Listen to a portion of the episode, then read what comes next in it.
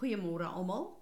As ons ver oggend wakker word en ons kyk na die rustige natuur hier rondom ons dan voel ons amper swaalf ontkoppel van wat in die wêreld aangaan. Maar ek dink ons is kinders van die Here met die verantwoordelikheid wat die Here vir ons gegee het.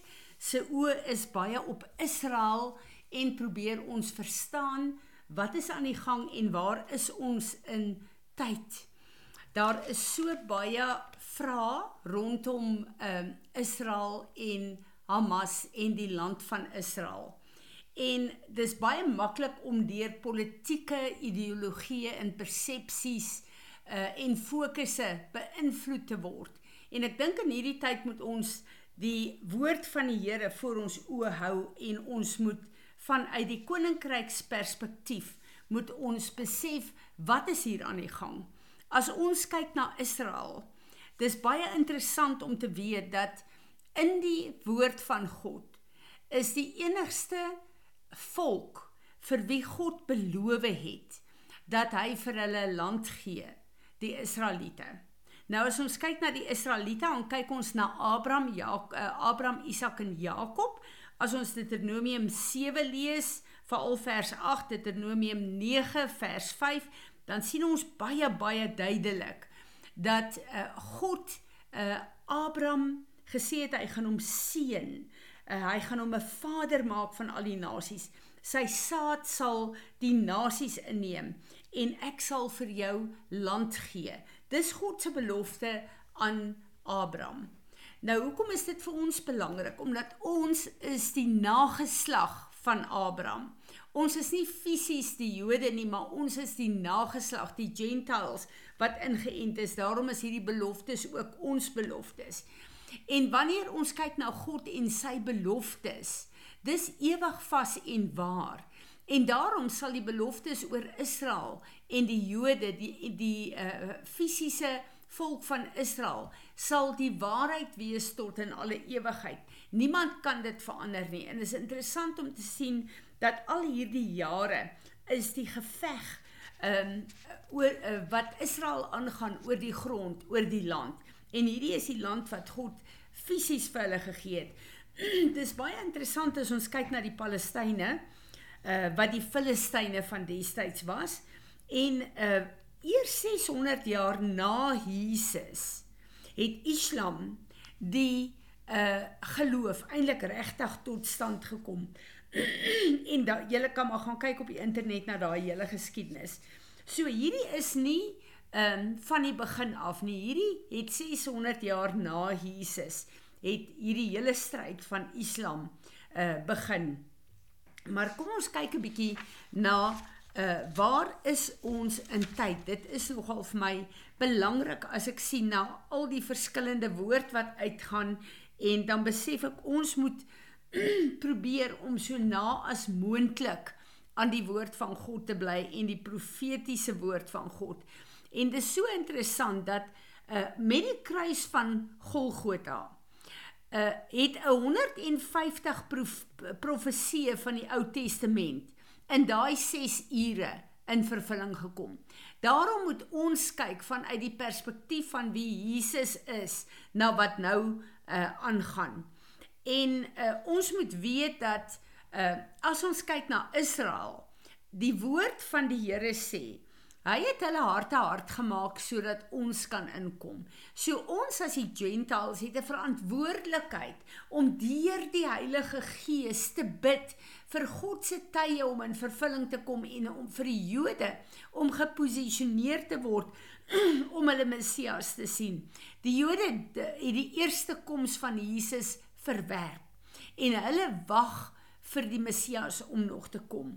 Nou as 'n mens kyk na uh die Ou Testament waar die Here soveel goed vir ons gegee het wat 'n tipe van Jesus is om ons te help, maar die Nuwe Testament het Jesus kom kom bekendstel om ontbloot hom uh persoonlik gemaak vir ons.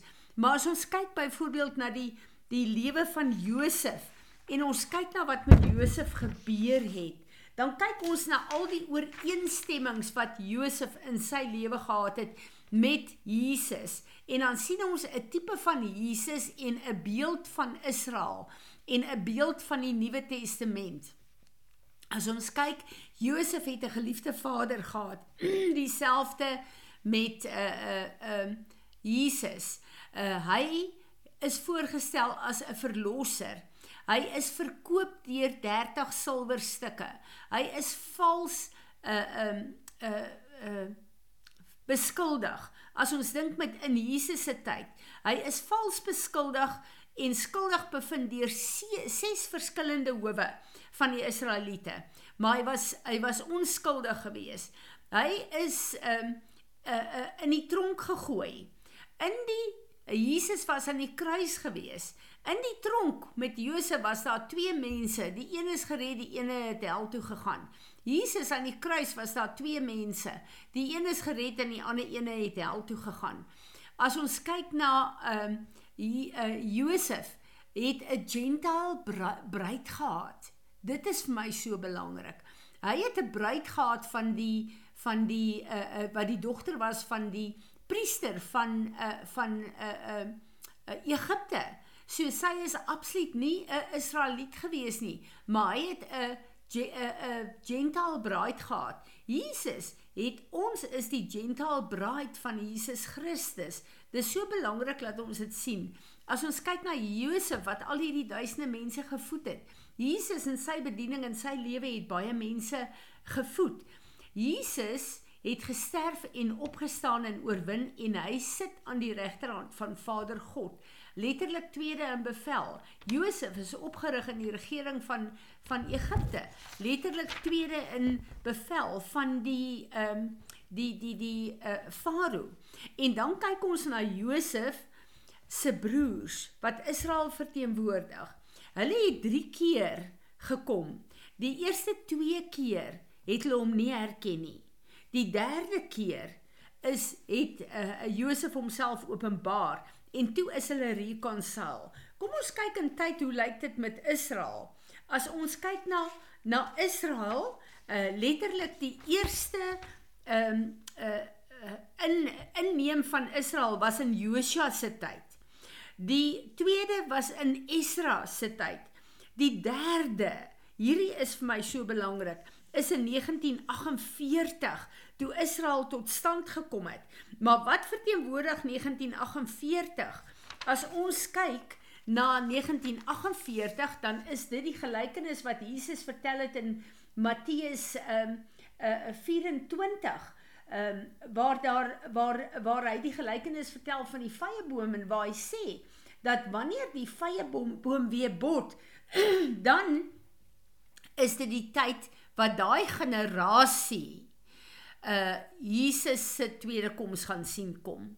En vir my is dit so 'n ek het Sondag daaroor gepreek, so 'n openbaring want ek besef 1948 Israel is die vyeboom. Het die vyeboom weer begin bot, het Israel tot stand gekom.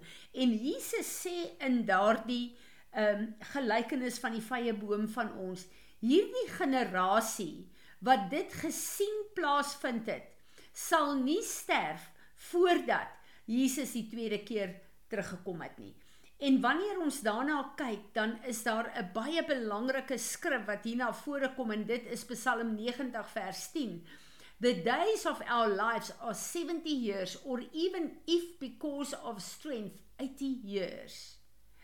Dit is wat God gesê het 'n mens op aarde se leeftyd aangemeet gaan word. Nou as ons kyk van 1948 af, dan is dit baie belangrik om te weet ons is 75 jaar in die derde dag. Die derde keer wat Israel um tot stand gekom het. En hierdie is as ons kyk na Josef se hele storie, die tyd waarin Jesus, waarin Josef homself openbaar het en waar die reconciliation gekom het met die met sy broers. So hierdie is die tyd wat die woord sê wat die uh uh uh uh hele uh wegraping gaan gebeur, wat die die uh tribulation gaan gebeur wat die uh uh tyd wat die Jode wat deur hierdie tribulation gaan, wat hulle hulle Messias gaan sien vir wie hy is, wat daai sluier weggeneem gaan word en dit is in hierdie derde dag in die tyd waarin ons lewe wat hierdie goed gaan gebeur. En dit ehm uh, is vir my so ernstig want as ons 75 jaar in hierdie generasie is wat Israel sien tot stand kom het, dan is die tyd kort en ons besef dat enige tyd kan hierdie goed gebeur. En ons weet baie van ons oë is op die feestydde van Jesus Christus en ons het nou tabernakels deurgegaan. En dit was baie interessant toe tabernakels eindig toe begin die oorlog met Israel. En ons moet besef dat Israel is God se tydsklok en baie van die goed gaan in die eindtye oor Israel maar as ons kyk daarna dan besef ons ook dat hierdie is 'n uh, 'n uh, 'n uh, ook presies dieselfde tyd wat die uh, sesdaagse oorlog gebeur het. Hierdie is dieselfde, daar's soveel tydslokke wat wat uh align met hierdie tyd wat ons nou instaan in 2023 en dis vir my ernstig dat ons weet ons is in 'n tyd waar daar nie meer tyd is om uh nie op die koninkryk van God te fokus nie. En soos wat Jesus gesê het in uh Matteus 24, ons gaan besig wees met 'n gewone dag. Daar gaan niks verskillend wees in hierdie dag nie. Maar dan gaan die trompet blaas en wat vir my baie belangrik is, ons moet weet, hierdie tweede koms van Jesus is 'n nie iets wat gaan gebeur en ons gaan dit nie weet nie. Die woord sê dat die trompet gaan blaas, daar gaan weerlig wees, daar gaan dit gaan 'n geluid wees wat die hele wêreld gaan aanskou en hoor en sien. Hoe dit gaan gebeur, ons uh, kan net dink met die tegnologie van vandag, maar ons gaan dit weet en elke persoon gaan daarmee gekonfronteer word. Ons gaan nie wonder of hy reeds gekom het nie. Dit gaan 'n 'n 'n harde, harde, duidelik sigbare geleentheid wees. En uh, as ons kyk na hierdie ernstige tyd, dan besef ons ons moet regtig ehm uh, aangaan met ons lewe elke dag alles wat ons doen, alles wat ons sê met Jesus as die middelpunt, met in ons agterkop die heeltyd van hy kan vandag kom. En ek dink sommer net aan my eie lewe. As Jesus vandag moet kom, hoe gaan ek my elke dag se lewe, my program vandag aanpak? Met die wete van hy kan enige oomblik verskyn.